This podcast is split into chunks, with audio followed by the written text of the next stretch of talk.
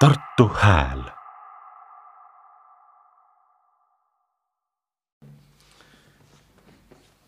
tervist, et oleme siin nii-öelda eetris siis hetkel Tartu Hääle podcastiga. ja külas on seekord meil Sandra Jõgeva, kelle näitus on üleval siin Haki galeriis hetkel. niisugused vahvad maalid, kes ei ole jõudnud vaadata, et soovitame läbi astuda. ja kes sa ise oled? Äh, mina, vabandust, olen Teet Raudsepp, Sandra hea tuttav juba pikemast ajast, ütleks. et sõber. ja tunnen, tunneme juba mõnda aega, et äh, Sandra arvas, et ma oleks hea inimene teda küsitlema. ja lisaks me oleme Teeduga teinud päris palju kunstiprojekte koos, mis on olnud enamalt jaolt, ma arvan, sellised ähm, midagi hoopis muud kui siin Seinter on, need on olnud sellised äh, ühekordsed aktsioonid või performance'id pigem ja seda ka juba aastaid. ka rühmitus Kolm punkti on meil, kus on ka kolmas liige, Rodrik Kokla. nii, su maalid siis. et esiteks nagu küsiks, et äh, miks sa üldse nii vähe maalid?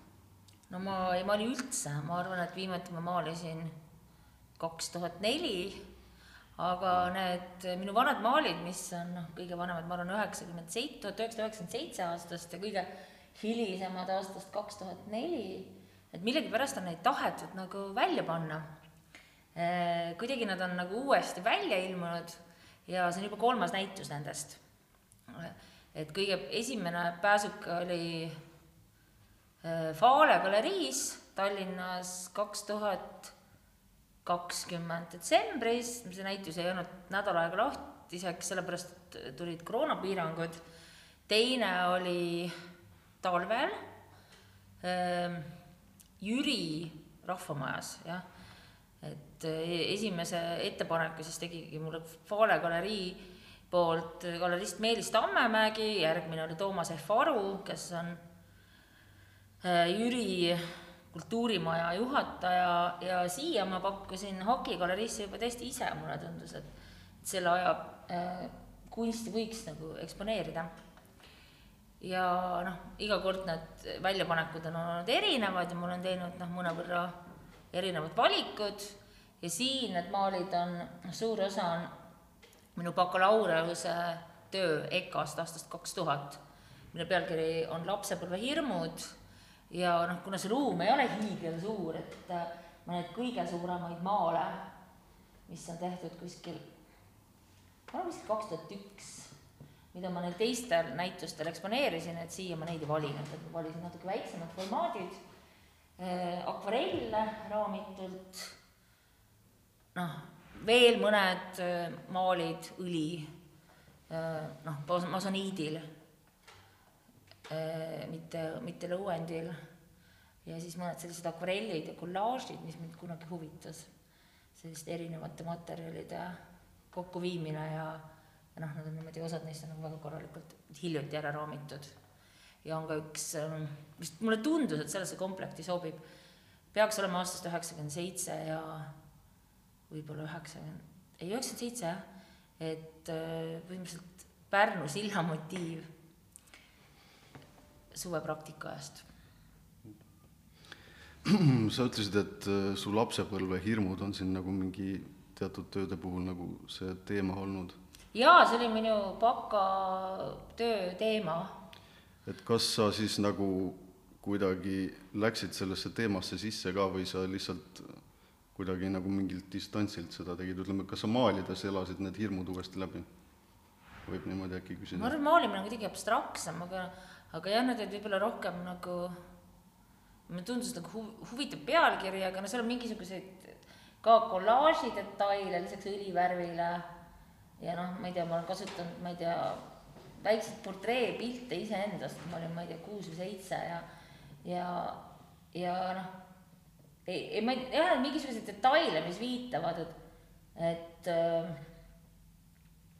et hirm magama jäämise ees või hirm uppumise ees, seal on sellised väiksed käed ja midagi nagu mm -hmm. sinine maal ja hirm, et klassiõde Heleri on suureks saades ilusam kui mina, mis on seal üleval. see on klassiõde Heleri, mida ma vanalt klassipildilt mm -hmm. maalisin ja selle pildiga on selles mõttes huvitav, et äh, see, see, see konkreetne lapsepõlve hirm, et hirm, et klassiõde Heleri on suureks saades ilusam kui mina, et see valiti aasta kaks tuhat sügisel Eesti Ekspressi poolt heategevuslikule oksjonile, et äh, noortelt kunstnikelt osteti teosed välja ja siis oli suur oksjon. Ja promoti nagu noh, nagu Eesti kunsti tulevikku, nagu siis arvati, äh, et kes võiksid olla, mind valiti ka sinna, seal oli vist üldse viis inimest ja see oli selline nagu noh, Ekspress nagu hiljem on üle läinud sellele, et ta nagu presenteerib tuleviku tähti, aga siis oli just see, et, et et nagu, et noored kunstnikud, kes tollal olid noored, ma olin siis kakskümmend neli, et noh, mul vist ei ole enam alles seda või on siis kuskil mingis kastis, ma mäletan sellise kaanepilti, et seal olin mina, Allan Tõnissoo, kes on praegu, see on kursavend EKA magistratuurist ja kes on liinitööline praeguse seisuga ja on töötanud väga erinevates äh, kaubamajades, puu- ja köögivilja osakondades äh, tema ei tegele kunstiga aga seal oli ka näiteks Laurentius, Anne-Daniela Saaliste, kes tollal tegi Laurentiusega koos, ja Mirja-Mari Schmidt, kes on noh, graafikuna vähesel määral tegutsenud peale pausi. Aarne Maasik oli ka. minu meelest rohkem ei olnud. no sellepärast natuke küsisin, et äh, ma ise mäletan, et kui ma mingi intensiivsemalt maalisin, siis mul tekkis ikkagi, ma justkui läksin nagu natuke sinna pildi sisse, et mis mis tunne sul nagu on, kui sa maalid, ütleme, kui sa istud maha ja sa ütleme näiteks neli tundi jutti nagu maalid, kas sul tekib mingi teine reaalsus? no vaata, ma tegin seda viimati nii hilju, nii ammu, aga ma mäletan, et kui ma maalisin seda diplomitööd, et, et ma olin kohutavalt tüdinenud iga tööpäeva lõpuks, et see oli, see oli niisugune nagu EKA vana puumaja, seal mingi ateljee teisel korrusel, sa oled seal üksinda ja see oli tõesti pika päeva ja ma mäletan seda värvilõhna, et see käis mul kohutavalt kõik närvid ära ja iga kord oli see, et mitte iial enam. aga see ongi vist võib-olla intensiivse tööga niimoodi. siis äkki võib öelda, et sa natuke nagu kuidagi said, sai natuke mingi asi, mingi mõõt sai sul täis, et siis sul peale seda nagu praktiliselt ei ole seda tunnet tulnud, et no ega pärast seda ma ikka maalisin, ma arvan, neli aastat, aga ma, ma olen teinud ka suuri seinamaale, mida oli mul väga huvitav teha, et üks on ühes korteris et küll, mäletan, kaks tuhat neli jaanuaris, et ma mäletan, et see oli üks Soome abielupaar, kes oli Eestisse ostnud korteri ja sadama piirkonda ja see oli selline steriilne uus arendus, täiesti tühi veel, nad olid ise kuhugi reisile läinud. ja neil oli nagu selline idee, et äh, kuna nad pidid äh, Äh, Tallinna kolides ja üldse nad olid nagu mingi vanem va,, inimesed, kes olid vanemas eas üksteist leidnud. ja siis nad müüsid nagu, üks neist müüs oma, või vist mõlemad oma elamiselt maha Helsingis ja ühel nendest oli nagu selline suguvõsa korter Helsingi kesklinnas, kus nad, kus, vist oli see naise oma, et kus oli tehtud niimoodi remonti, et oli noh, nagu tehakse vanades majades remonti, et, et hakatakse maha kiskuma vanu tapeedikihte ja siis tuleb välja, et neid on seal mitukümmend ja noh, ja siis jäävad siuksed nagu rebenemisjäljed, et neile tundus see nii ilus, et nad jätsid selle noh, ühe seina niimoodi ühes toas. ja kuna neile tundus, et see Tallinna uus arendus on nii äh, steriilne, et nad tahaksid, et see maal oleks inspireeritud sellest äh, maha kistud tapeedist seal Helsingi korteris, et seesama nagu hingus tuleks sinna kaasa, ma mäletan, et ma sõitsin Helsingisse nende kulul, kohtusime, vaatasime korterit, ma tegin fotosid ja siis ma pidin nagu looma selle mingisuguse nagu omaaži sellele seinale see oli väga lahe, ma mäletan.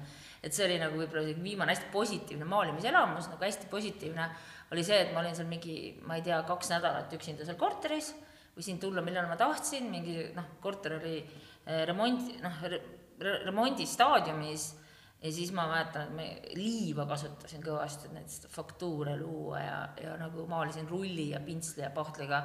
ja siis oli veel üks palve, et, et, et äkki saaks kuidagi maali peale selle koera, kes neil oli, see on selline nagu, koera nimi oli Mütü.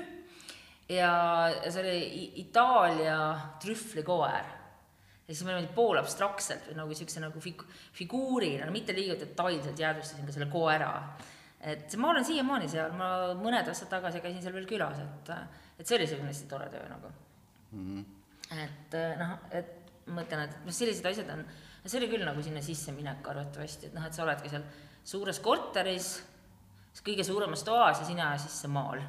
ja need noh, mille nagu see lähtepunkt on, et maha äh, rebitud tapeedid ja selle nagu mingid spontaansed kujundid mm. -hmm. Aga ütleme, et kuivõrd su ema on nagu hästi tuntud just maalikunstnikuna ja hinnatud, et kas sa, kuidas sul endal nagu, kas sul tundub, et maalimine seeläbi on sulle justkui nagu pigem nagu natuke pigem vastunäidustatud, et sul mingi nagu tihti ei taha tütred just minna vanemate radades?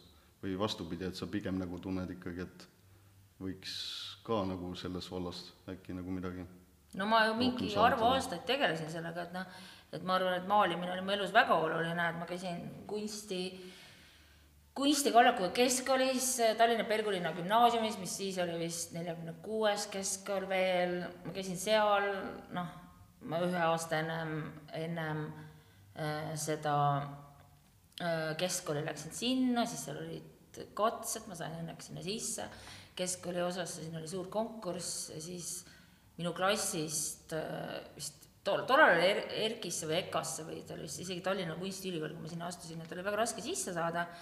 ja meie klassist vist paari aasta jooksul sai kõigi aegade rekordarv inimesi EKA-sse sisse. ja noh, minu sõbrad keskkooli ajal olid ka võtnud hästi noh, kindla sihi eh, noh, sinna minna ja kuidagi see tundus nagu ainuvõimalik tee. ma flirtisin ka mõttega, et õppida filosoofiat aga kui ma olin filosoofiat õppinud humanitaarisiklis peale, peale keskkooli ühe aasta, esimene aasta sain maali sisse, siin oli väga suur konkurss siis.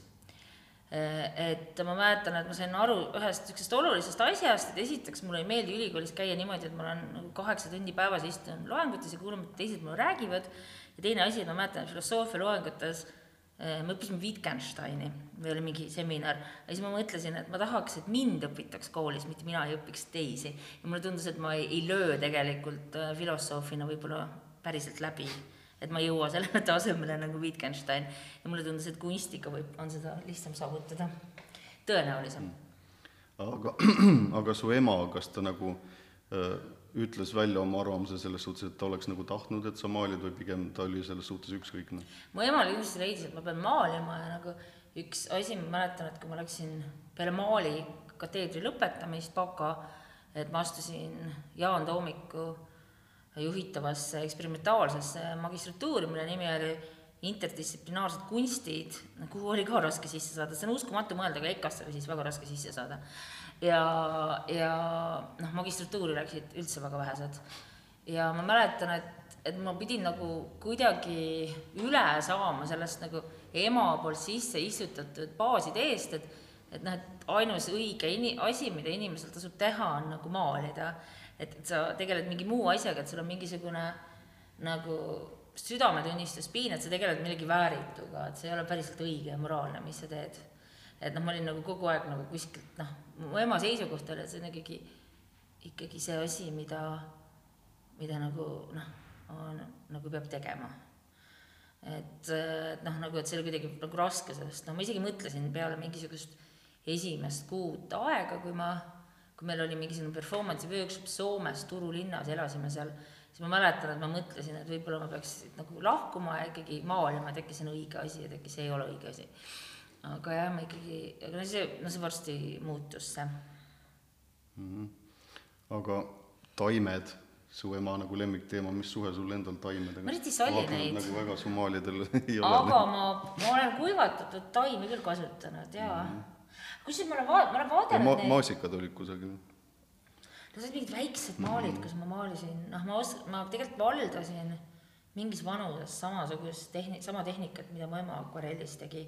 ma olen talle isegi alusmaale teinud, mida ta on lõpetanud nagu niisugune renessansi meistrite vaimus, et mingi õpilane või sell või, või teeb nagu al-, alustab, et siis meister käib oma käega üle ja signeerib.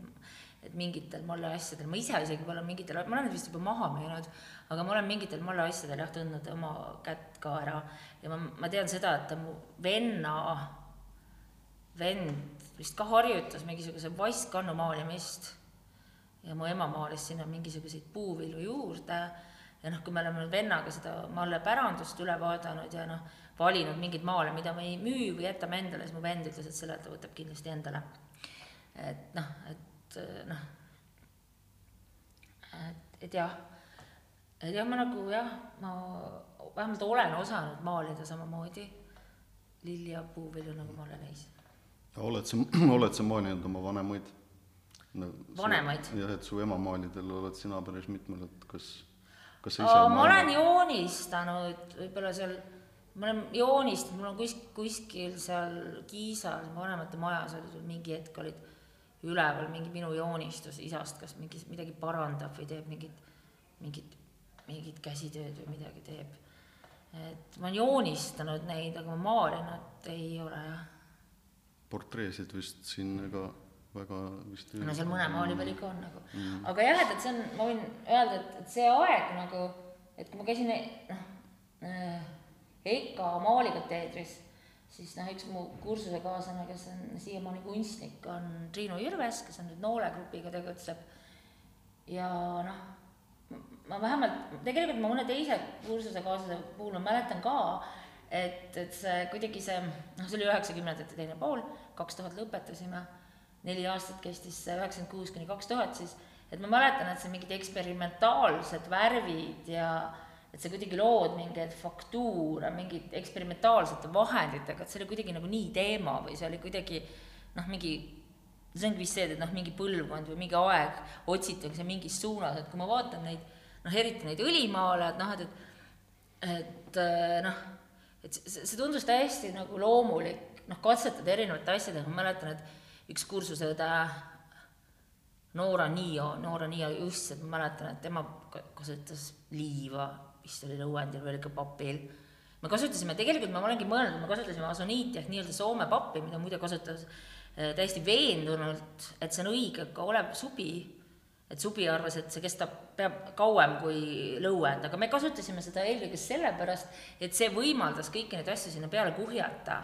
et noh, lõuend on selline vetruv ja noh, nagu ta ei pea võib-olla vastu kõigi nendele kihtidele või või see kuidagi nagu see toimis selle masoniidi peal nii palju paremini, et see noh, et kui ma vaatan, siis mulle tundub eriti naljakas, et need on üle kahekümne aasta vanad, need pildid, ja need on nagu täiesti säilinud kõik, et noh, nende materjalidega ei ole mitte midagi juhtunud, et seal on mingeid erinevaid seemneid seal on äh,, siin praegu väljas ei ole, aga need peaksid olema vist, sest laoruumis on need, kus on need austrikarbid, on ju.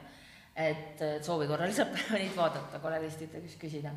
et äh, noh, kõik need, ma ei tea, liiv, sinist liiva nii palju ei ole, siin on rohkem mingisuguseid seemneid ja, ja on nagu mingisuguseid, ma ei tea, mis ühe maali peal ma näen seal just on mingisugused, ma ei tea, vanad lakid ja liimid ja mida ma kuskilt leidsin ja tundus täiesti normaalne nad kuhugi peale kallata ja siis sealt edasi töötada.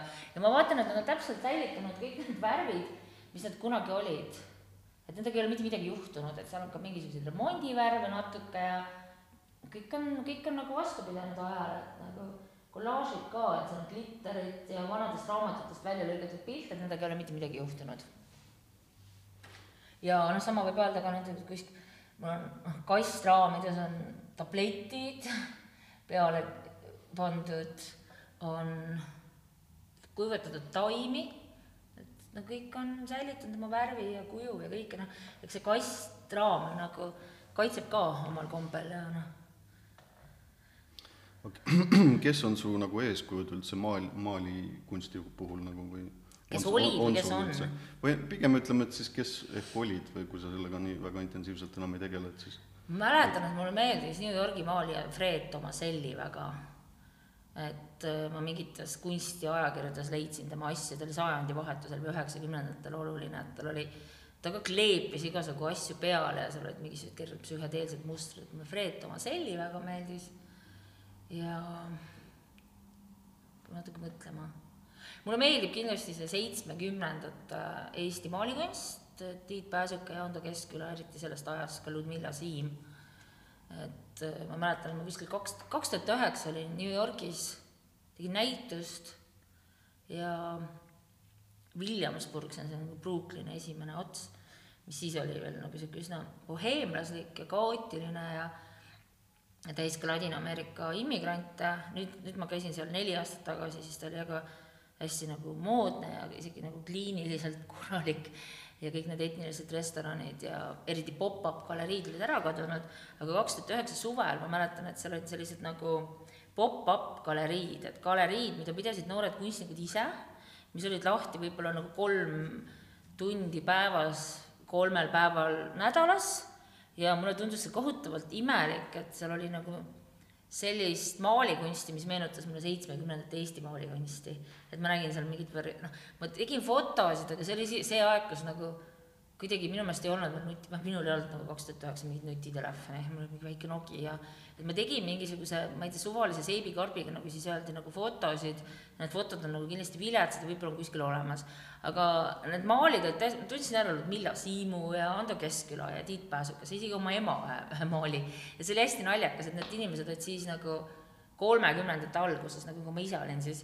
ja noh, ma ei tea, ma ei kirjuta, noh, mul ei ole kuskil alles neid nimesid ma ei tea, mis neist sai, aga neli aastat tagasi New Yorgis, oligi aprill kaks tuhat üheksateist, ma sattusin Gagosiani galeriisse, kus oli üks hiinlane, kelle maalid olid ka täpselt samasuguse meeleolu ja pintslitehnikaga. et, et noh, ma arvan, et, et et see inspiratsiooniallikas, ma ei tea, kust kaudu see tuli või kas see lääne kunst oli nii erinev siinsest kunstist, ma ei oska öelda, tegelikult ma arvan, et siin oli ikkagi mingi oma maailm et see oli jah naljakas äratundmine.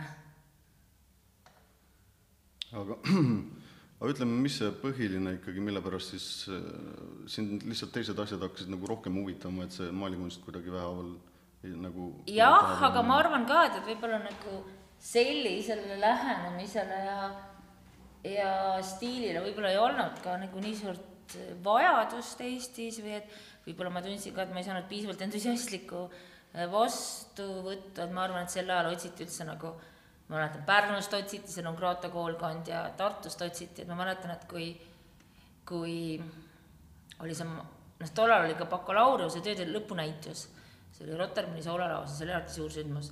ja just see aasta, kui ma lõpetasin, siis kuidagi oli see suhtumine ülinegatiivne, EKA, ja see oli kuidagi nagu, nagu noh, ühtlaselt, et nagu see oli niisugune nagu mingi ülikoolide vaheline võimuvõitlus. Ja ma mäletan, et, äh, et inimesed rääkisid, et seekord on küll nagu õudne näitus. ja kuidagi ma mäletan, et noh, et, et, et kui oli näiteks ilmus Sirbis arvustus sellele kogu näitusele, siis Rael Artel kirjutas selle, siis ta nagu põhimõtteliselt upitas Pärnu ja, ja Tartu kunstiõpet ja rääkis, et EKA-s nagu ei ole üldse mitte midagi. et, et see tundus nagu hästi naljakas et see ei tundunud mulle üldse õiglane, ma arvan, et seal olid mingisugused muud võimumängud, aga jah, et, et see oli kuidagi, kuidagi jah, nagu, et kuidagi nagu see EKA ja mingisugused need noh, see võib-olla see EKA maaliga teeder, et see kuidagi ei olnud üldse aktuaalne.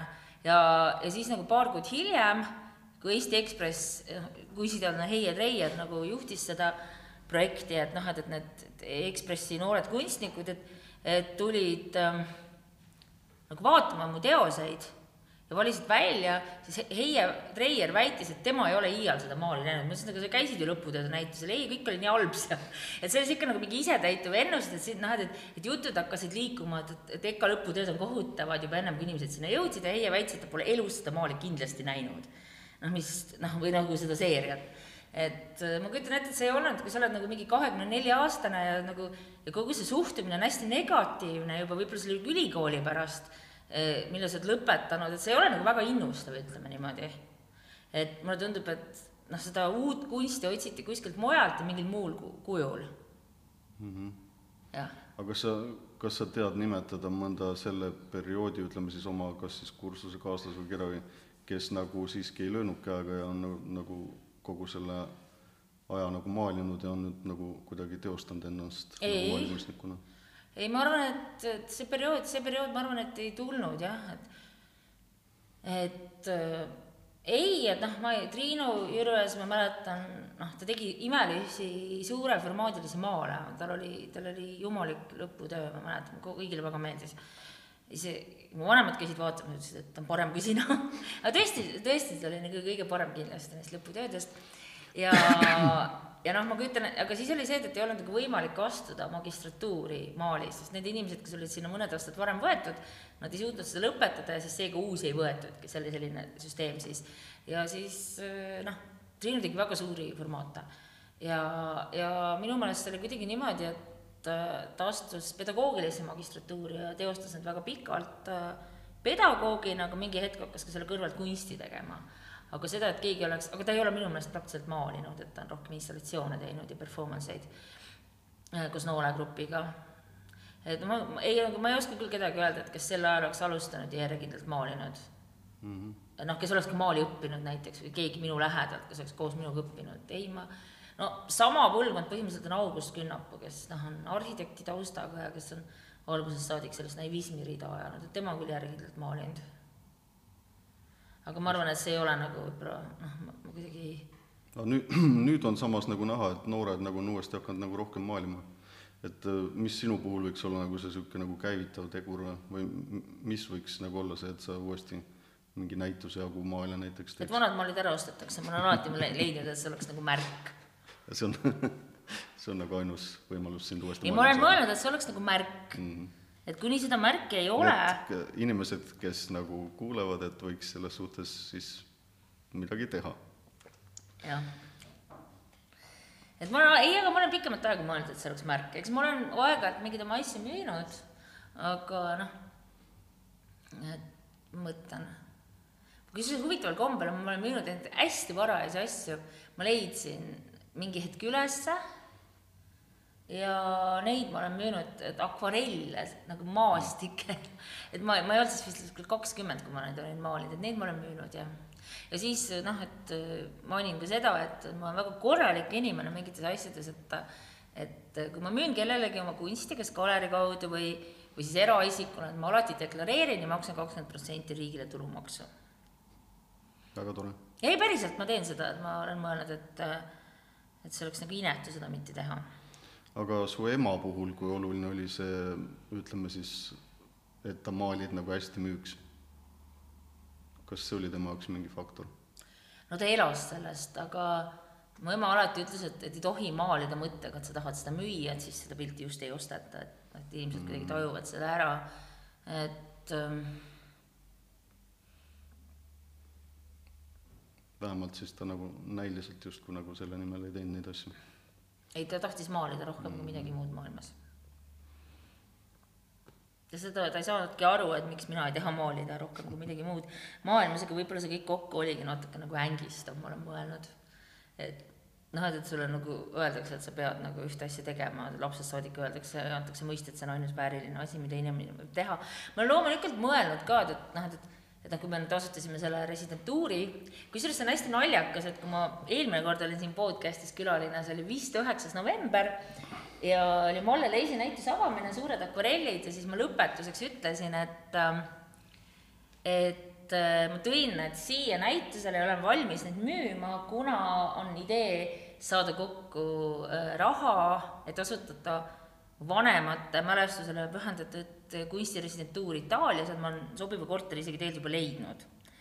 ja see noh, podcast lõppes, inimesi oli siia kuulama tulnud ja siis äh, üks noor EMO arst, Triinu Keskpaik, tuli mu juurde ja ütles, et teatav rahasumma tema arvelt, tema säästud on minu omad, et ta hea meelega äh, liituks sellega, et talle see idee meeldib. Triinuga ma olin kohtunud sel hetkel nagu ühe korra, et äh, kui Fellini kohvikus eelmisel suvel oli Molle Leisi väike näitus, siis ta ostis sealt ühe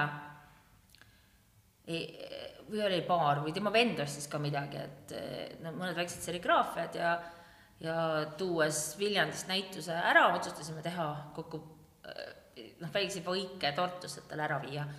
ja ma ükskord temaga varem kohtunud ja see kohe tundus algusest saadik niisugune õige idee ja noh, samal õhtul sina olid ka seal, et me läksime, vist istusime siin ja läksime vist kuhugi edasi ja siis, ja siis kuidagi tekkis see idee, et tegelikult võiks pühendada selle residentuuri ka Andrus Joonasele, kellega ma õppisin maali muide pool aastat koos EKA-s, aastal kaks tuhat õppis pool, pool aastat EKA, ühe semestri EKA-s maali. Ja et kuna ta on surnud aasta kaks tuhat kakskümmend üks lõpust ja Triinu sõber oli ka, et tuli selline mõte, et et pühendaks selle residentuuriga Andrus Joonase mälestusele ühtlasi ja siis Triinu andis ühe enda kogus oleva Joonase maali sinna. et eelmine kord podcast'il olid hästi konkreetsed tagajärjed. et me käisime, mis meil on praegu, on kakskümmend kuus mai, et natuke rohkem kui kolm kuud tagasi, see oli vist kakskümmend üks või kakskümmend kaks veebruar, käisime Triinu, minu vend mina käisime, käisime siis nagu Itaalias notaris ja ostsime selle korteri ära, ma olen seal vahepeal ühe korra jõudnud käia, ka Triinu on seal käinud, et viisime sinna kunsti ja mööblit ja ja kõikvõimalikke asju, mida korteris vaja on, et, et ähm, et mul on sihuke noh, tunne, et no ühesõnaga, et see oli jah naljakas, et äh, ei olnud tegelikult nagu raha arve peal nagu selliseid suuremaid summa, suuremat summat, et osta korter, aga et sellest välja öeldud mõttest nagu novembri lõpus jõudis see jaanuari lõpus selleni, et see korteri raha pluss see Triinu antud summa, et kõik see kokku, et äh, see korteri raha oli põhimõtteliselt olemas. Kahe kuuga, mis tundus mulle küll nagu kerge müstika.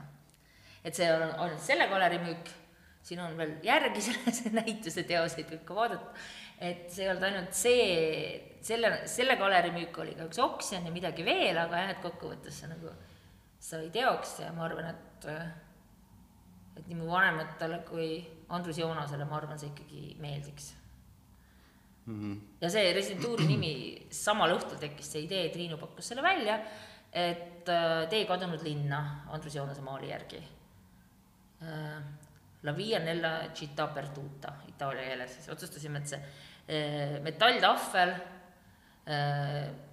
ukse kõrval, et see on ikkagi itaalia keele, ikka riigikeel on oluline.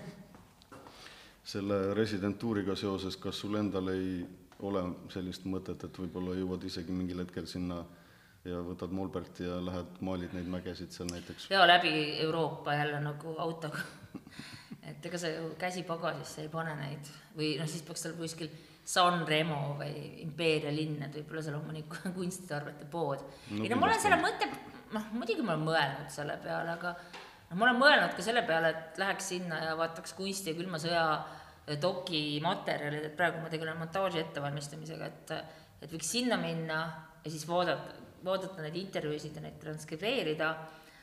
aga jah, ma lähen sinna kuu aja pärast, järgmine kord. et äh, kinnisvaraomaniku siuksed argised mured, et gaasiboiler hästi ei tööta, on vaja mehaanik kutsuda ja naabrid saatsid sõnumeid, et mingi aken on lahti jäänud ja tellida pelleteid ei tohi unustada, no mingi siuksed asjad. aga noh, juunis ma ei olegi seal käinud, nii et mm. -hmm keda sinna nagu reeglina on oodatud, on seal nagu mingid eelistused, et pigem no ma olen välja käinud, et tegelikult eh, kuna noh, peamised eh, residentuuride eh, sihtgrupid on siis ikkagi nagu tavaliselt kujutavad kunstnikud, noh siis tavaliselt on, need on teist tüüpi residentuurid, need on võib-olla mingid majad, kõrvalhooned, töökojad, trükipressid, ma ei tea, kõikvõimalikud võimalused, mis sa pead pakkuma. Et graafikatehnikatele tihti rõhutakse, et siis on võimalused, et on kujutavad kunstnikud või siis on kirjanikud. mina mõtlesin, et tegelikult võiks mõelda ka näiteks äh, filmitegijate peale, kellel on ka nagu sellised etapid, et kus noh, kirjutad stsenaariumi või, või vaatad filmitud materjali näiteks doki puhul ja mõtled, kuidas sa kokku paned, et ennem kui sa päriselt monteerima hakkad. et ma olen noh, mõelnud, et et kuna see ei ole väga suur, see on kaheksakümmend ruutu, kolm tuba, seal ei ole eraldi, noh, seal ei ole eraldi sellist nagu stuudiot, seal on suur elutuba, köök, kaks magamistuba, vannituba. et noh, et aga ma arvan, et kui keegi tahab sinna tulla oma molberdite ja asjadega ja jätab selle pärast samasse seisu, siis loomulikult võib seda teha, aga noh, ma arvan, et see ei ole võib-olla maalimiseks kõige ideaalsem koht, et praegu on sinna äh, ajad kinni pannud üks graafik, illustraator, me andsime välja kohe stipendiumi, et katame kulud, et Riina Uisu valisime välja, ta on graafik, illustraator, et noh ta kavatseb teha et-, mingit ettevalmistust linoollõigete kavanditele ja illustreerida ja mõelda ühe raamatu peale, ma saan aru, et ta tahab seda nii kirjutada kui joonistada, et siis on ähm, üks ajaloolane on pannud aja kinni, kes uurib kodalukke seal, seal piirkonnas olevad ka huvitavad kodalukud ja siis on üks kirjanik, üks üsna tuntud kirjanik, praegu on nagu need on nagu kolm tükki on nagu põhimõtteliselt nagu broneeritud mm. -hmm. et äh, novembri algusest saab, saab jälle keegi nagu tulla. aga noh, me võtame seda rahulikult, et, et äh, et ei ole sellist nagu tingimata, et mitu residenti peab seal olema aastas, eks me tahame ise ka käia. et mina näiteks kavatsen minna oktoobri alguses sõpradega ümbruskonnaga tutvuma automatkadele ja noh, nüüd kuu aja pärast lähen jälle. et noh, mul on siis majaomaniku kohustus, mitte maja, vaid korteriomaniku kohustused. aga noh, miks mitte nagu käia seal ka juunis vaadata. Millalgi guugeldasin mingi tuntud kunstnik vist sealt isegi oli pärit või tegutses seal. minu jaoks ta ei ole tuntud No see on mingi britt, et kes oli elanud, et seal ain-, noh, seal, seal, seal rubriigis ongi ainult, et et Molini di Trioraga seotud inimesed, mingisugune Briti skulptor on absoluutselt ainus, kes välja tuleb. aga seal on ka kohalik pühak, San Giovanni Lantrua, et kes oli, kellele on katedraal pühendatud ja kes suri Hiinas märtrina kakssada aastat tagasi. Ja nõiad. nõiad on kõrvalkülas Trioras. Mm.. et kus olid need, nad olid kunagi sama omavalitsusega, nüüd enam ei ole, et see on noh, üldse kogu see, see residentuur, et kui paari sõnaga rääkida, siis et see on, see asub Liguurias, mis on nagu põhimõtteliselt kolmkümmend, see on noh, maakond Põhja-Itaalias, see on kolmkümmend kilomeetrit äh, rannikust, noh, Itaalia Rivierast põhimõtteliselt, mägedes keskaegne küla, Molini di Triora, Imperia provints ja siis noh, Imperia ongi kõige suurem linn, mis on läheduses. Ja noh, San Remo hästi kuulus linn oma lolli lauluvõistluse pärast, et see on ka kolmkümmend kilomeetrit. Need on mõlemad väga meeldivad linnad ja seal on veel mingisuguseid väiksemaid kohti, mingi, mingi koht, mis oli piraatide kindlus. Ja no seal on nagu palju, noh, Nizza on kõige lähem lennujaam. Mm.. No aga ikkagi, kui nüüd tagasi tulla selle sinu kui looja juurde või kunstniku juurde, et siis ütleme nii, et järgmised kümme aastat, kellena sa ennast näed, kas pigem nagu filmirežissöörina ikkagi või? ma ei julge kümne aasta plaane teha, nagu eriti praeguses olukorras Eestis. et äh, üldse nagu Ida-Euroopas ja mis siin praegu on, et ma ei tea, ma, ma ei julge kunagi mõelda niimoodi ette või no mul on mingisugune ebausk, et ma ei julge teha mingisuguseid plaane, et et ma lapsest saadik olen iga uus aasta mõelnud, et huvitav, kas ma olen järgmisel aastal samal ajal elus, et lapsena mõtlesin selle peale alati. et ma ei tea, ma tahan oma kaks filmi praegu ära lõpetada, mis mul pooleli on siis vaatab, kas mul tuleb mm. nagu mingi uue filmi idee kohe, mida teostama hakata või tahan ma hoopis maalida või midagi. et ma lõpetan Kunsti külm sõda, mida ma teen juba kuus aastat.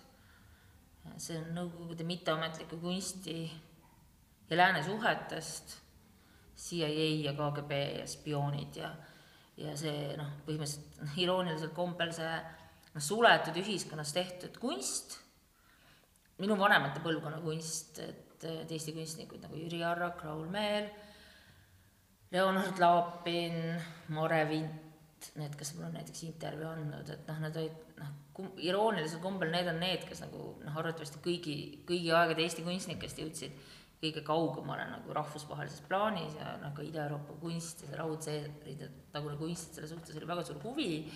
Neil olid e, suured sidemed Moskva kunstnike mingit mingite põrandaaluste ringkondadega, noh Eestis nad ei olnud põrandaalused, aga Eestis sai üsna vabalt teha. noh, läänelikku kaasaegset kunsti ja see nagu oli selline ka nagu väga oluline koht Nõukogude Liidus, see geograafiline asukoht ja see, mis siin oli lubatud, et neil olid noh, tihedad suhtmed Moskva kunstnikega, teatud ringkonnaga, Ilja Kabakov on kõige kuulsam neist, ta sai maailmakuulsaks, tema vanemate sõber, paljude teiste sõber. Et noh, Boriss Šutovski on kindlasti oluline kunstnik Venemaal, Vladimir Jankilevski, Francisco Infante, Komar ja Melamid, Erik Bulatov, Mihhail Šemjakin, noh, ma olen neist mitmeid intervjueerinud selle jaoks ja noh, see film ongi venima jäänud, kuna vahepeal tuli Covid ja noh, reisimine oli väga pärsitud ja noh, Venemaale nüüd ei saagi enam minna ja ja noh, mingid, mingeid inimesi, keda ma kavatsesin intervjueerida, kellega mul olid kokkulepped, et noh, kuna nad elavad Moskvas, et need, need jäävad nad kindlasti ära. aga jah, et ma praegu noh, tegelen montaaži ettevalmistamisega, filmi jaoks on rahastus olemas Eestist ja noh, loodetavasti ta saab valmis selle aasta lõpuks. ja teine film, mis on ka suures osas ära filmitud, on dokumentaalfilm äh, ta Keskkülast, mis peaks siis tulema nagu mõni aeg välja peale seda kunstikülma sõda aga kas ma alustan mingisugust eh, veel ühte kunstidokki, leian veel mingisuguse huvitava loo Eesti kunsti lähiajaloost, ma ei tea, mul on mõned mõtted, aga need on sellised, mida ma veel välja ei ütleks. ma olen kaalunud paari teemat, ütleme niimoodi. et pigem nagu nende filmide puhul sa otsid ikkagi ka sidet kunstiga? kuigi su esimene film ju otseselt nagu ei olnud kunst. esimene armastus ei olnud jaa, aga need, mida ma olen nüüd teinud, on küll nagu, see põhimõtteliselt on nagu, ma tunnen võib-olla isegi natuke sellist eh, missiooni, et, et leiad mingisuguseid huvitavaid lugusid Eesti kunsti lähiajaloost, mida võiks jäädvustada. Ja mul on absoluutselt selge veendumus, et kui mina seda ei tee, siis ei tee seda mitte keegi mm. -hmm. ma ei mäleta, kui sa Armastust filmi, filmisid, siis su ema vist veel elas või? jah. et mida tema sellest arvas või kui ta? ta oli juba üsna haige ja ta on seda vaadanud. seda, noh, põhimõtteliselt montaaž oli valmis, võib-olla nagu heli ja värv ei olnud veel paigas et ta on näinud seda, aga kui palju ta seda vastu võttis, ma ei oska öelda.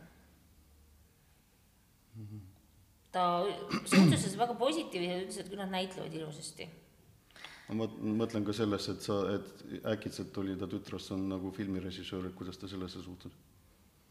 tead, ta oli juba päris haige ja ma ei ole kindel, kuidas ta maailma tajus siis enam.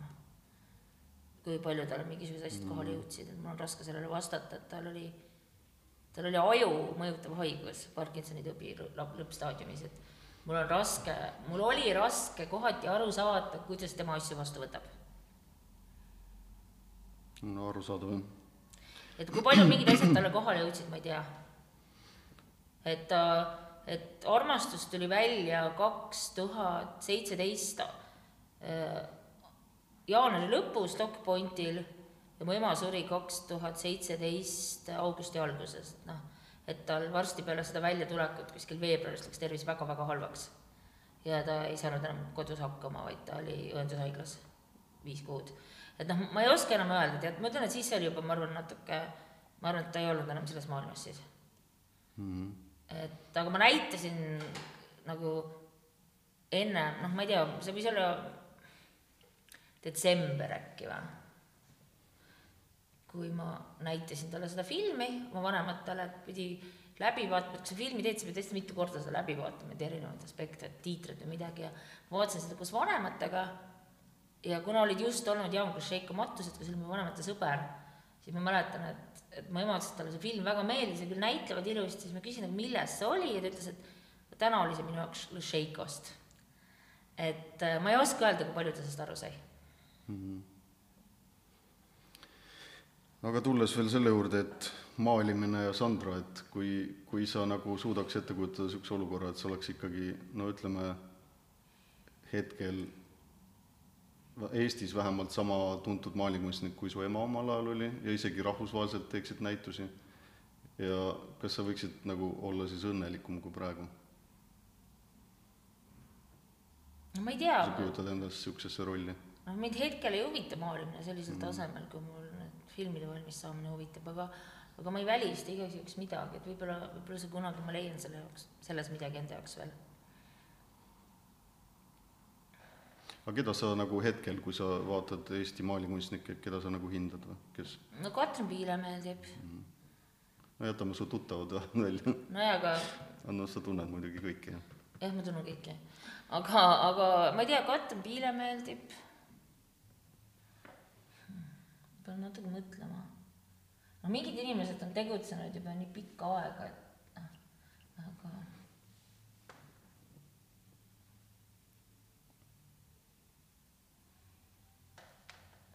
aga rahvusvaheliselt? praegu hetkel mingi aktiivne kunstnik või mm.? issand, ma ei tea, ma, ma ju mm., et isegi, ma ei tea, käisin eelmisel aastal Veneetsia biennaali avamisel ajal seal ja seal olid Ando Keskkooli filmivõtted ja, ja kuna ma olin filmivõtetel, siis ma tegelikult ei näinud peale Eesti paviljoni mitte midagi. et need, see oli ka nagu võttepaigana võtsime rohkem seda. et ma ei näinud mitte midagi ja ma isegi mõtlesin, et sinna peaks tagasi minema ja vaatama Veneetsia biennaali, aga ma ikkagi ei jõudnud. et ähm, ma mõnikord ikkagi käin näitustel, ma, ma käisin isegi, isegi Soomes, Tamperes, Helsingis näituseid vaatamas jaanuaris mm. -hmm. aga kas midagi, mul ei tule selle skulptori nimi meelde, kes ka Polumäris, millega ma olin seotud, kultuuritehas Polumäris, selle art konteineri või kunstikonteineri galerii programmis tegi näituse, ta nagu tahus välja realistlikke objekte äh, graniidist ja nagu värvis nad ära, mul ei tule ta nimi meelde, avastasin, et ta oli Kiasma kogusse jõudnud, ta oli Kiasma kogu näitusel oli väljas. ja siis äh, Julia Wallinheim Vanhatalu oli vist nimi, et äh, see on kunstnik, keda ma olen kunagi ise kureerinud, kui ma tegin kunstijoones kuraatori näituse Looma kari aastal kaks tuhat üheksa, siis mul oli hea meel teada saada, et ta oli ka seal Kujasmaa näitusel, et mul oli hea meel teada saada, et ta valiti just Eestit Veneetsia biennaalile esindama järgmine, järgmisel aastal. et noh, võib-olla mingid, mingid erilised skulptorid on hoopis muljet avaldanud, maalikunstis ma ei tea, mul ei tule meelde mingeid suuri elamusi maalikunstiga seoses ei Eestis ega välismaal mm., kahjuks. Aga kas sulle näiteks pakub huvi ka ütleme täitsa mingi vana maalikunst, lähed sa hea meelega vaatama mingit täitsa renessansiaegset kunsti või midagi niisugust? mul on võib-olla mingi hi-, ei, ma ei käi eriti seda vaatamas mm., ma olen, ma arvan, et ma olen, kui ma õppisin maali, olid mingid esimesed võimalused Euroopas, mingid piinarikaste bussireisidega, mida enam ette ei kujutaks, et ma mäletan, et siis ma käisin küll Luuvris ja ja igal pool, et kus võimalik. aga ei, praegu, praegu ei, ei enam ei huvita. aga, aga ma, ma olen mõelnud, et kui järgmine kord nagu läbi Nitsa lähen Molini di Triorasse, et siis äkki peaks külastama Chagall'i maja muuseumi, mis seal on mm.. no senised käigud Nitsasse mul on rahumeeles vahele jätnud, ütleme nii, kui nüüd ma kahtlen. et. Äh, Te andsite mingi vahe isegi mingit auhinda välja vist äh, ma ei tea, kas see jätkub. mis auhinda? Äh, su ema nimelist. jaa, me andsimegi selle Katrin Piilele, et äh, Malle Leisi kaheksakümnendal sünniaastal kaks tuhat kakskümmend ja siis me oleme andnud nagu tunnustuseks nagu paar korda, oota, ma mõtlen. kas paar korda või? jaa, jaa, kui oli see Võltsingu skandaal ja siis käsitööõpetaja ja harrastuskunstnik Monika Liiv astus esile, ütles, et tema selle tulbimaali ehm, äh, maalis, et siis andsime vennaga temale nagu päris malele esiserigraafia, et äh, Katrin Piilega, tema sai nagu konkreetselt Malle Leisi auhinna, et tema sai ka ühe serigraafia pluss mingisuguse summa, mis oli hetkel, oli nagu autori, autoriõiguste eest, Eesti Autorite Ühing oli maksnud mingi mitte väga suure summa ja siis no, tunnustasime ühe Maale Leisi serigraafiaga ka Peter Saavit, kes on äh, Eesti ja Soomega seotud iraanlannast kunstnik, kes äh, rääkis avalikult, kuidas talle tehti liiga Eesti, Eesti äh, äh, paviljoni kunstnikuna Veneetsia biennaalil, et kuidas ta otsustas rääkida avalikult mingitest asjadest, millest tavaliselt kunstnikud just ei räägi ta rääkis ka sellest, et kunstnik on üsna madalal positsioonil selles hierarhias, praeguses kunstimaailma hierarhias, ja ta rääkis nagu töökiusust, mida ta koges Veneetsia kunstnikuna, mis peaks olema nagu tema, tema nagu karjääri tipp. Ja noh, kuna selle teose nimi oli Orhideliirium, siis me kinkisime talle viimase orhideedega Molle Leisi serigraafia, mis meie käes oli et need noh, Monika Liiv ja Piiter Saavi said nagu suures osas selle tunnustuse osaliseks, nad julgesid nagu õigluse eest seista, iseenda eest seista kui kunstnikuna, et noh, et, et Malle ka kindlasti ütles mingeid asju välja ja väga tundlik oli ebaõigluse suhtes mm. -hmm. ma ise kujutan ette, et ma võib-olla äkki olen hellitanud selles mõttes, et kui ma üldse maailma peale hakkan, siis kunagi pensionipõlves mingit sarnast mõtet? ei, ma ei mõtle pensionipõlves. ma arvan, et, et selle mõte on ikkagi see, et see on nagu noh, ei ma ei, ei minu jaoks kunst nagu hobina. mida, mida sa teed pensionipõlves?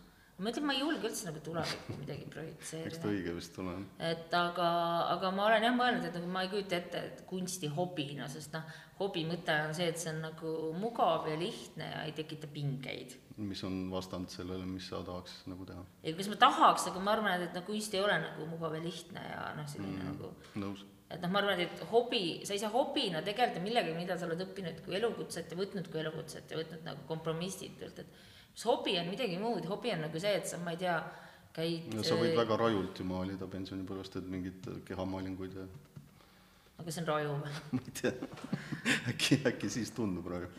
ei, ma ei tea, mida hobi on nagu, ma ei tea, et see, et sa lähed, ma ei tea, mingi kuradi, ma aasta tagasi käisin mingi, ma ei tea, Hiina instituut, Konfutsiuse instituudi korraldatud nagu noh, ma ei tea, Hiina, vegan Sichuan köögikoolitusele.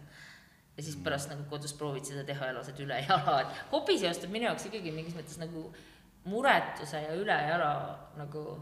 mingi hedonismiga natuke ülejala laskmisega, et sa ei tekita liiga palju nagu probleeme endale nagu. ma olen hobina ratsutamist õppinud näiteks kunagi, ma küll, ja ma vahetasin treeneri välja, kes nagu oli väga nõudlik ja kogu aeg ütles, mis ma valesti teen, ma mõtlesin, et ma maksan suurt summat, noh, ratsutamine kallis ja ma saan nagu, keegi rikub mul tuju ära, et nagu, et nagu, et ma ei, noh, ta oli, pärast tuli välja, et ta oli mingisugune tohutult äh, edukas noorte treener, et noh, täiesti, täiesti vale vale attitude nagu hobi juhendaja jaoks, et noh, ma tahan, et see oleks nagu meeldiv, et jah, ma kindlasti arenen mingis suunas, on ju, aga et noh, et, et, nagu seal ei peaks nagu liiga suuri pingeid olema, et hobi on nagu midagi sellist teha, et õpid ratsutamist ühe suve või kuni mhm. raha otsa lõpeb, et ma jõudsin galoppini, see oli ammu-ammu aga noh, et nüüd on, hobi on see, et sa nagu ei tekita endale pingeid, et see asi on eelkõige meeldiv, näiteks ma jäin süsteemselt ratsutamist tundidesse hiljaks, et ma ei viitsinud hobust puhastada et ma iga kord valetasin, et ma jõuan otse töölt, tegelikult oli asi kaugel sellest, et ma lihtsalt ei viitsinud seda hobust nagu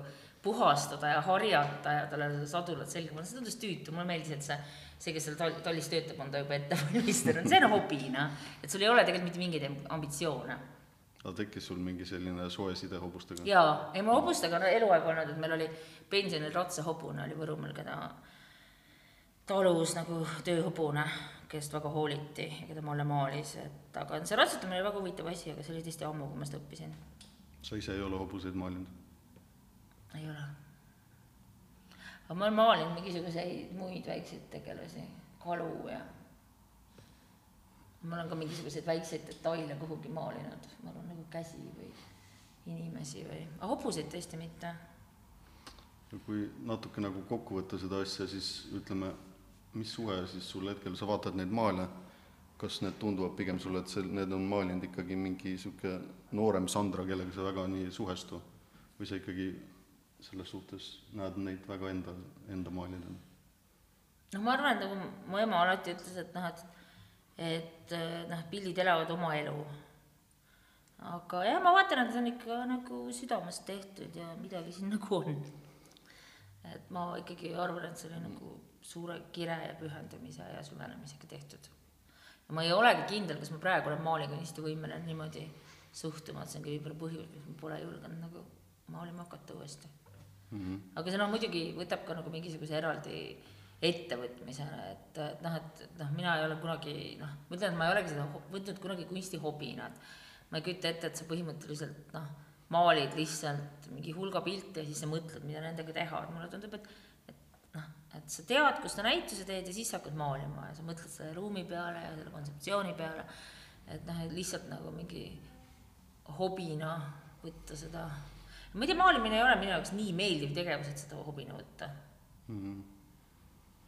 ma nagu kujutan jah, et, et ma nagu, et sihuke maali, kui ma mõtlen nagu sihukesele maalikunstnikule suure tähega, siis minu jaoks on see ka nagu keegi, ma ei tea nagu Lembit Sarapuu näiteks või kes nagu, kes nagu ei oskagi tõesti või noh, nagu ilmselt su ema ei osanudki midagi muud teha, et see on noh, et see, see on nagu lihtsalt ainus tee või niisugune, et sa nagu et ei no ma arvan, mu emal oli sinu puhul on neid teid nagu ilmselt ikka rohkem. ma ei tea, ma nagu arvasin, et mu emal leiti ka olevat nagu mitmeid andeid, et talle näiteks oli noh, tollal oli, oli ERK-is kohustuslik äh, pedagoogika, et teda oli väga, tal oli öeldud, et ta on, on nagu sünniõpetaja no. ma isegi mõelnud, et ta nagu, et nagu midagi muud ei oska, vaid et just, et see on see ainus tõeline asi tema jaoks. no tema jaoks kindlasti oli jaa, aga noh, mina ei ole kunagi tundnud, et see oleks ainus tõeline asi.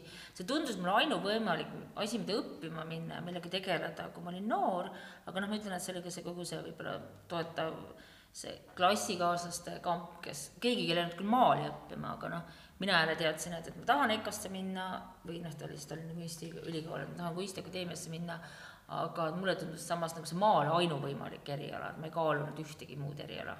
mm. -hmm. mood oli väga moodne, aga ma andsin endale aru, et ma ei oska õmmelda ja ju kõige sinna huvisid ära õppida. ja see oli ainus asi, mis mind tegelikult huvitas, et neist erialadest aga kui sa lapsena näiteks kindlasti külastasid koos ema või isaga mingeid erinevate kunstnike ateljeesid mm, -hmm. et mis mulje see sulle nagu jättis? ei no see tundus ka niisugune nagu ainuvõimalik keskkond ja ma mäletan neid inimesi ja seda Raja tänava ateljeede kompleksi, siin Tartus peab alati rõhutama, et Raja tänav ei ole hullumaja, ma sain mingi hetk teada, et et Raja tänav Tartus tähendab hullumaja, et, Raja tänav on üks tänav Nõmme-Mäe jalamil Tallinnas, kus, kus on, kus olid väga paljude kui-, maalikunstnike, skulptorite ja graafikute ateljeed ja hiljem sellest sai EKA skulptuuriosakond, osa vist ostis EKA ära ja seal on ka Eesti ainus niisugune suur ähm, eksperimentaalateljee, kus sai teha nagu ma ei tea, ma ei tea, kui mitme meetri kõrguseid skulptuure. mulle jah, ma mäletan skulptuure mulle skulptorid väga meeldisid, see skulptuur tundus sihuke nagu maagilisem, et kõik need kujud seal. võib-olla see, et sa oled laps ja mängid nukkudega, nad on nagu täiuslikud nukud või midagi sellist. et äh, noh, ma mäletan Jaak Soonsi istuvat Tammsaaret ja selle kipsversiooni ja, ja Aime Kuulbusch, kes mulle väga meeldis, kes ma arvan, on väga hea kunstnik. võib-olla see tunnust-, noh, nagu mõnes mõttes mitte piisavalt tunnustatud, noh, Ülo Õuna mäletan hästi traagilise saatusega inimene ma arvan, ta oli geniaalne skulptor. ma kuidagi jah, mäletan neid skulptuuri kuidagi nagu maagilisemana kui maali või graafikat, kuigi need graafikud ja maalijad olid ka kindlasti väga head. skulptuuri sa vist katsetasid isegi? midagi olen katsetanud, aga ega ma modelleerida ei et ma mm. olen mingeid asju teinud äh,, ma olen õppinud ära kogu keha, kogu keha vormi võtmise kipsiga inimeselt erinevates poosides, ka seisval ja istuval inimesel. et äh, Rene Reenumäe on mind õpetanud skulptorina ja ta on ka mul teinud selle teose, mis siin näitusel, see on ainus uus teos, see on skulptuur, ta on selle teostanud ühe minu enda oma kätega teotud, kahjuks hävinud teose baasil, et nagu selle idee, et see on see rindade skulptuur ja nimi on antud juhul see teine versioon ja selle nimi on traditsioonilised väärtused. selge. aga võtame siis kokku selle teema, et ma ei tea, äkki kuidagi oskad inimesi, ma ei tea, kaua see näitus siin veel lahti on, kuidagi kutsuda inimesi siia veel, meelitada mingi sellise no ma arvan, et see on natuke nagu ajakapsel, et noh, need on, seal on nagu võib-olla nagu mingi aja võib-olla märgid, et noh, ma ütlen, et vähemalt maalikateedris minu kursusel meil oli paljudel huvi just selle vastu, et mida sa saad teha lisaks õli, õlile nagu erinevaid materjale sisse tuua, mingid, luua mingisuguseid ruumilisi efekte ja noh, ma tagantjärgi mõtlen, et see kindlasti on ka mingi aja Eesti, Eesti kunstnike mõjud nagu kindlasti Tiit Pääsukese mõjud on kaudselt võib-olla olemas. et, et jah, et mingi, mingi aja noh, mingi, mingi looming, mingi, mingi siis minu etapist mis mulle huvitaval kombel nagu inimesed on tahtnud seda vaadata praegu ja imestanud selle üle, et nagu ma olen tundnud mingisugust, ma ei tea, sotsiaalset tellimust isegi seda välja panna, kuigi ma rõhutan, et siia ma kokkusin ise. et äh, aga ka võeti vastu kohe näituse idee. et noh, mulle endale lihtsalt huvitav vaadata ja noh, ma arvan, et siin on palju niisuguseid maalikunsti siseseid väärtusi, mis tollal olid kindlasti huvitavad ja mis võib-olla saab, ongi mulle natuke nagu tõrge, et miks ma praegu ei maali, on see, et mul on tunne, et et kas ma suudan neid maalikunsti sisemisi väärtusi nagu, nagu sellisel kujul enam taga, taga ajada nagu siis, et et kas ma suudan sellesse maailma sisse minna kas see on mu jaoks enam veenev. kuigi noh, ma vaatan, siin on kõik nagu väga veenev. et ma saan aru, mida ma siis tegin ja mis mind huvitas ja noh, millele on rõhku pandud ja mis on nagu mingisugused abstraktsed ideaalid selle taga. mis ma arvan, ei läinud jah kokku võib-olla selle ajastu Eesti kunsti ideaalidega mm. -hmm mingi, mingi hingus siin kindlasti on küll jah, et soovitan täitsa vaadata üle. seal on isegi üks meremaal. see on Pärnu jõgi mm.. aga see võis olla see, nagu see koht, kus jõgi läheb nagu, jõgi ja meri kuidagi lähevad kokku, ma uduselt mäletan, meil oli, oli Pärnus suvepraktika, et see võib olla isegi äkki meri mingil määral. see on nagu otse seal kohapeal siis maalitud? jaa, jaa, kui palju sa sellist asja üldse oled nagu teinud? suvepraktikat oli ennem seda, ennem EKA-sse astumist, ma arvan. nagu väga noorena keskkooli ajal, keskkoolis olid ka suvepraktikad, et ma arvan, et see oligi jah, mingi hilisteismelisena. meeldis? jaa, meeldis, sest ma, mul oli nagu hästi oluline nagu maali edasi õppima minna ja sellega jätkata, et noh, ma arvan, et muidugi meeldis noh, aga siis see oli väga kirglik tegevus, see maalimine, ma arvan.